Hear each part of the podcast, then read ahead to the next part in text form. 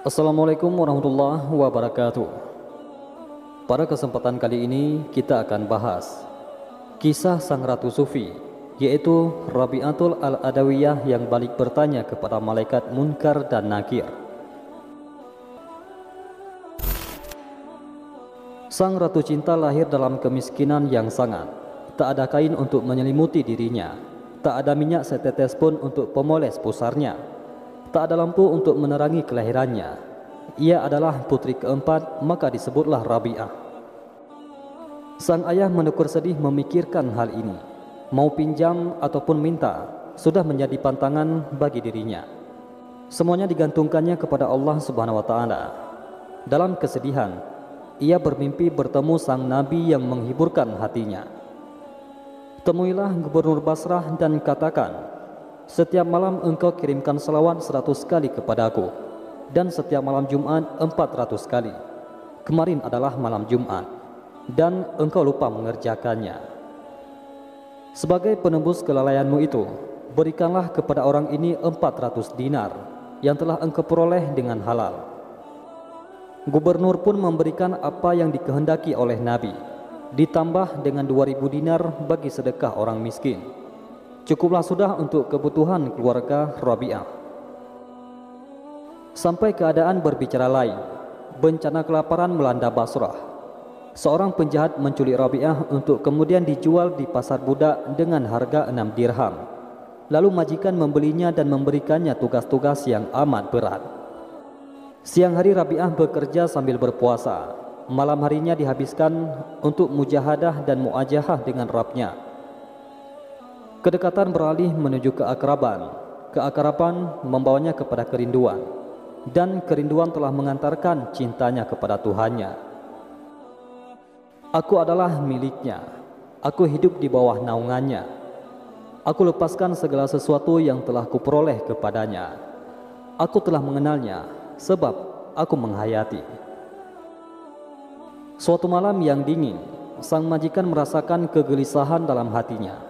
Maka ia pun berjalan ke belakang rumah memeriksa sekelilingnya, memeriksa kunci-kunci rumahnya. Dan ketika ia sampai di dekat gudang tempat Rabi'ah tinggal, kekagetannya membuat ia sendiri gugup. Lampu yang semula dipegangnya kini terlempar entah ke mana. Bagaimana tidak? Ketika ia melongokkan kepalanya ke dalam ruang tempat Rabi'ah beristirahat, ia sedang melihat Rabi'ah menjalankan solat. Dan dan di atasnya tampak cahaya yang terang benderang. Bukan lampu, sebab cahaya itu tidak bergantung kepada sesuatu apa pun.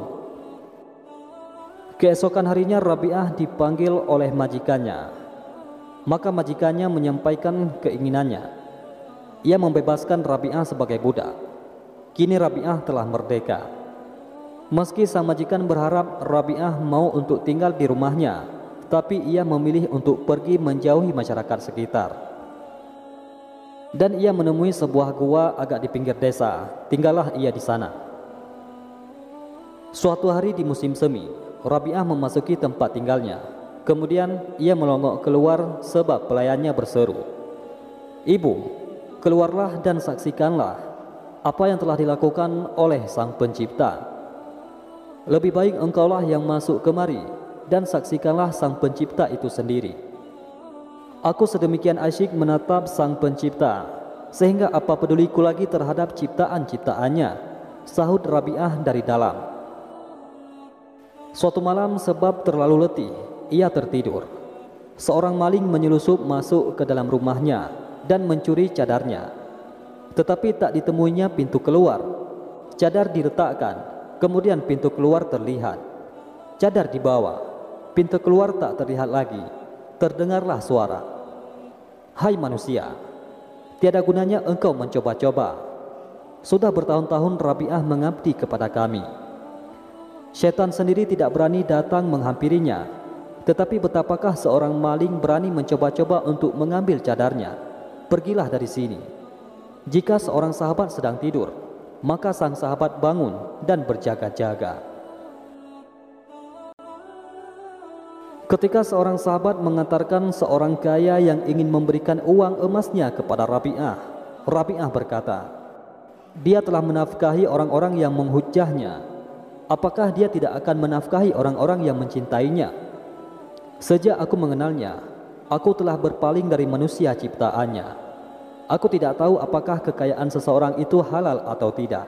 Maka betapakah aku dapat menerima pemberiannya? Di malam-malam hari yang sepi dan sunyi, dalam kerinduannya dengan Sang Maha Pencipta, Rabi'ah bergumam sambil bersujud. Ya Allah, apa pun yang akan engkau karuniakan kepadaku di dunia, berikanlah kepada musuh-musuhmu. Dan apa pun yang akan engkau karuniakan kepadaku di akhirat nanti, berikanlah kepada sahabat-sahabatmu. Karena engkau sendiri cukuplah bagiku.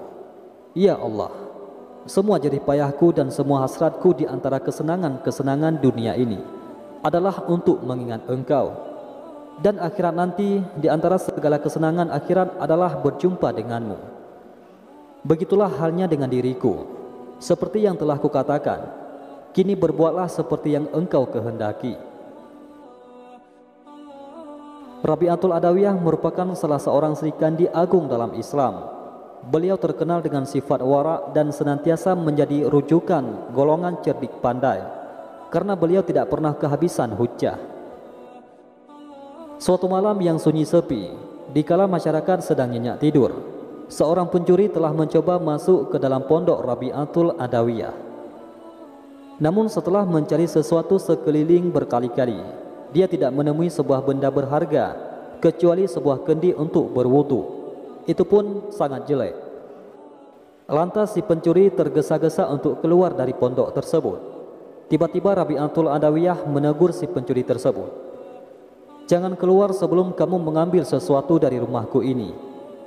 Si pencuri tersebut terperanjat karena dia menyangka tidak ada penghuni di pondok tersebut. Dia juga merasa heran karena baru kali ini dia menemui tuan rumah yang begitu baik hati seperti Rabi'atul Adawiyah. Kebiasaannya tuan rumah pasti akan menjerit meminta tolong apabila ada pencuri memasuki rumahnya. Namun ini lain. Silahkan ambil sesuatu. Kata Rabi'atul Adawiyah kepada pencuri tersebut. Tiada apa-apa yang boleh aku ambil dari rumahmu ini. Kata si pencuri berterus terang. Ambillah itu. Kata Rabi'atul Adawiyah sambil menunjuk kepada kendi yang jelek tadi ini hanyalah sebuah kendi jelek yang tidak berharga, jawab si pencuri.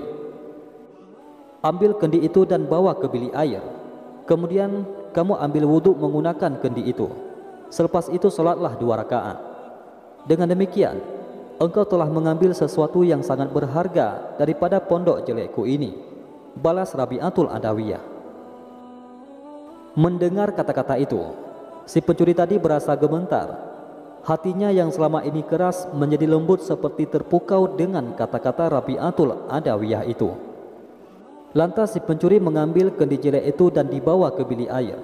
Lalu berwuduk menggunakannya. Kemudian dia menunaikan solat dua rakaat. Ternyata dia merasakan suatu kemanisan dan kelezatan dalam jiwanya yang tak pernah dirasa sebelum ini. Rabi'atul Adawiyah lantas berdoa, Ya Allah, Pencuri ini telah mencoba masuk ke rumahku. Akan tetapi dia tidak menemui sebuah benda berharga untuk dicuri.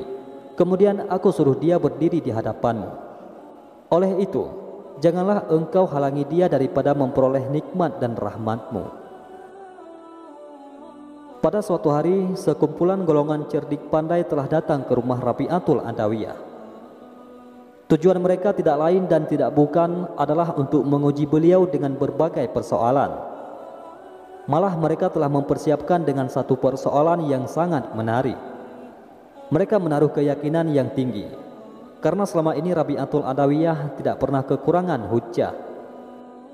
Wahai Rabi'atul Adawiyah, semua bentuk kebajikan yang tinggi-tinggi telah dianugerahkan oleh Allah kepada kaum lelaki, namun tidak kepada kaum wanita. Ketua rombongan itu memulai bicara. Buktinya, balas Rabi'atul Adawiyah. Buktinya ialah mahkota kenabian dan rasul telah dianugerahkan kepada kaum lelaki. Malah mahkota kebangsawanan juga dikurniakan kepada kaum lelaki. Paling penting, tidak ada seorang wanita pun yang telah diangkat menjadi nabi atau rasul.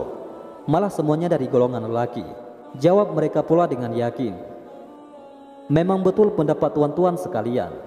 Akan tetapi harus diingat bahwa sejahat-jahat pangkat ada pada kaum lelaki juga. Siapa yang mengagung-agungkan diri sendiri? Siapa yang begitu berani mendakwakan dirinya sebagai Tuhan? Dan siapa pula yang berkata, Bukankah aku ini Tuhanmu yang mulia? Dengan tenang, Rabi'atul Adawiyah membalas hujah mereka sambil merujuk kepada Fir'aun dan Namrud. Kemudian Rabi'atul Adawiyah menambah lagi, Anggapan dan ucapan seperti itu tidak pernah keluar dari mulut seorang wanita. Malah semuanya dilakukan oleh kaum lelaki. Mengenai wafat Sang Ratu Sufi Rabi'atul Adawiyah ada dua pendapat. Pendapat pertama, yaitu pada tahun 135 Hijriah atau tahun 752 Masehi. Kemudian pendapat kedua tahun 185 Hijriah atau tahun 801 Masehi. Konon setelah itu, ada yang bermimpi melihat Rabi'ah. Kepadanya ditanyakan, Bagaimanakah engkau menghadapi munkar dan nakir wahai Rabi'ah? Rabi'ah menjawab, Kedua malaikat itu datang kepadaku dan bertanya, Siapakah Tuhanmu? Aku menjawab, Pergilah kepada Tuhanmu dan katakan kepadanya, Di antara beribu-ribu makhluk yang ada, janganlah engkau melupakan seorang wanita tua yang lemah.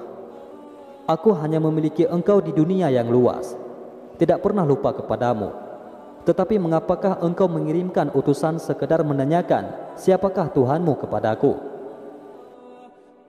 Ya Allah, jika aku menyembahmu karena takut kepada neraka, bakarlah aku di dalam neraka. Dan jika aku menyembahmu karena mengharap surga, campakkanlah aku dari dalam surga. Tetapi jika aku menyembahmu demi engkau semata, janganlah engkau enggan memperlihatkan keindahan wajahmu yang abadi kepada aku. Itulah doa sang Ratu Sufi Rabi'atul Adawiyah kepada Allah Subhanahu wa taala. Itulah kisah sang Ratu Sufi yang balik bertanya kepada sang malaikat. Wallahu a'lam bisawab. Mudah-mudahan bermanfaat. Assalamualaikum warahmatullahi wabarakatuh.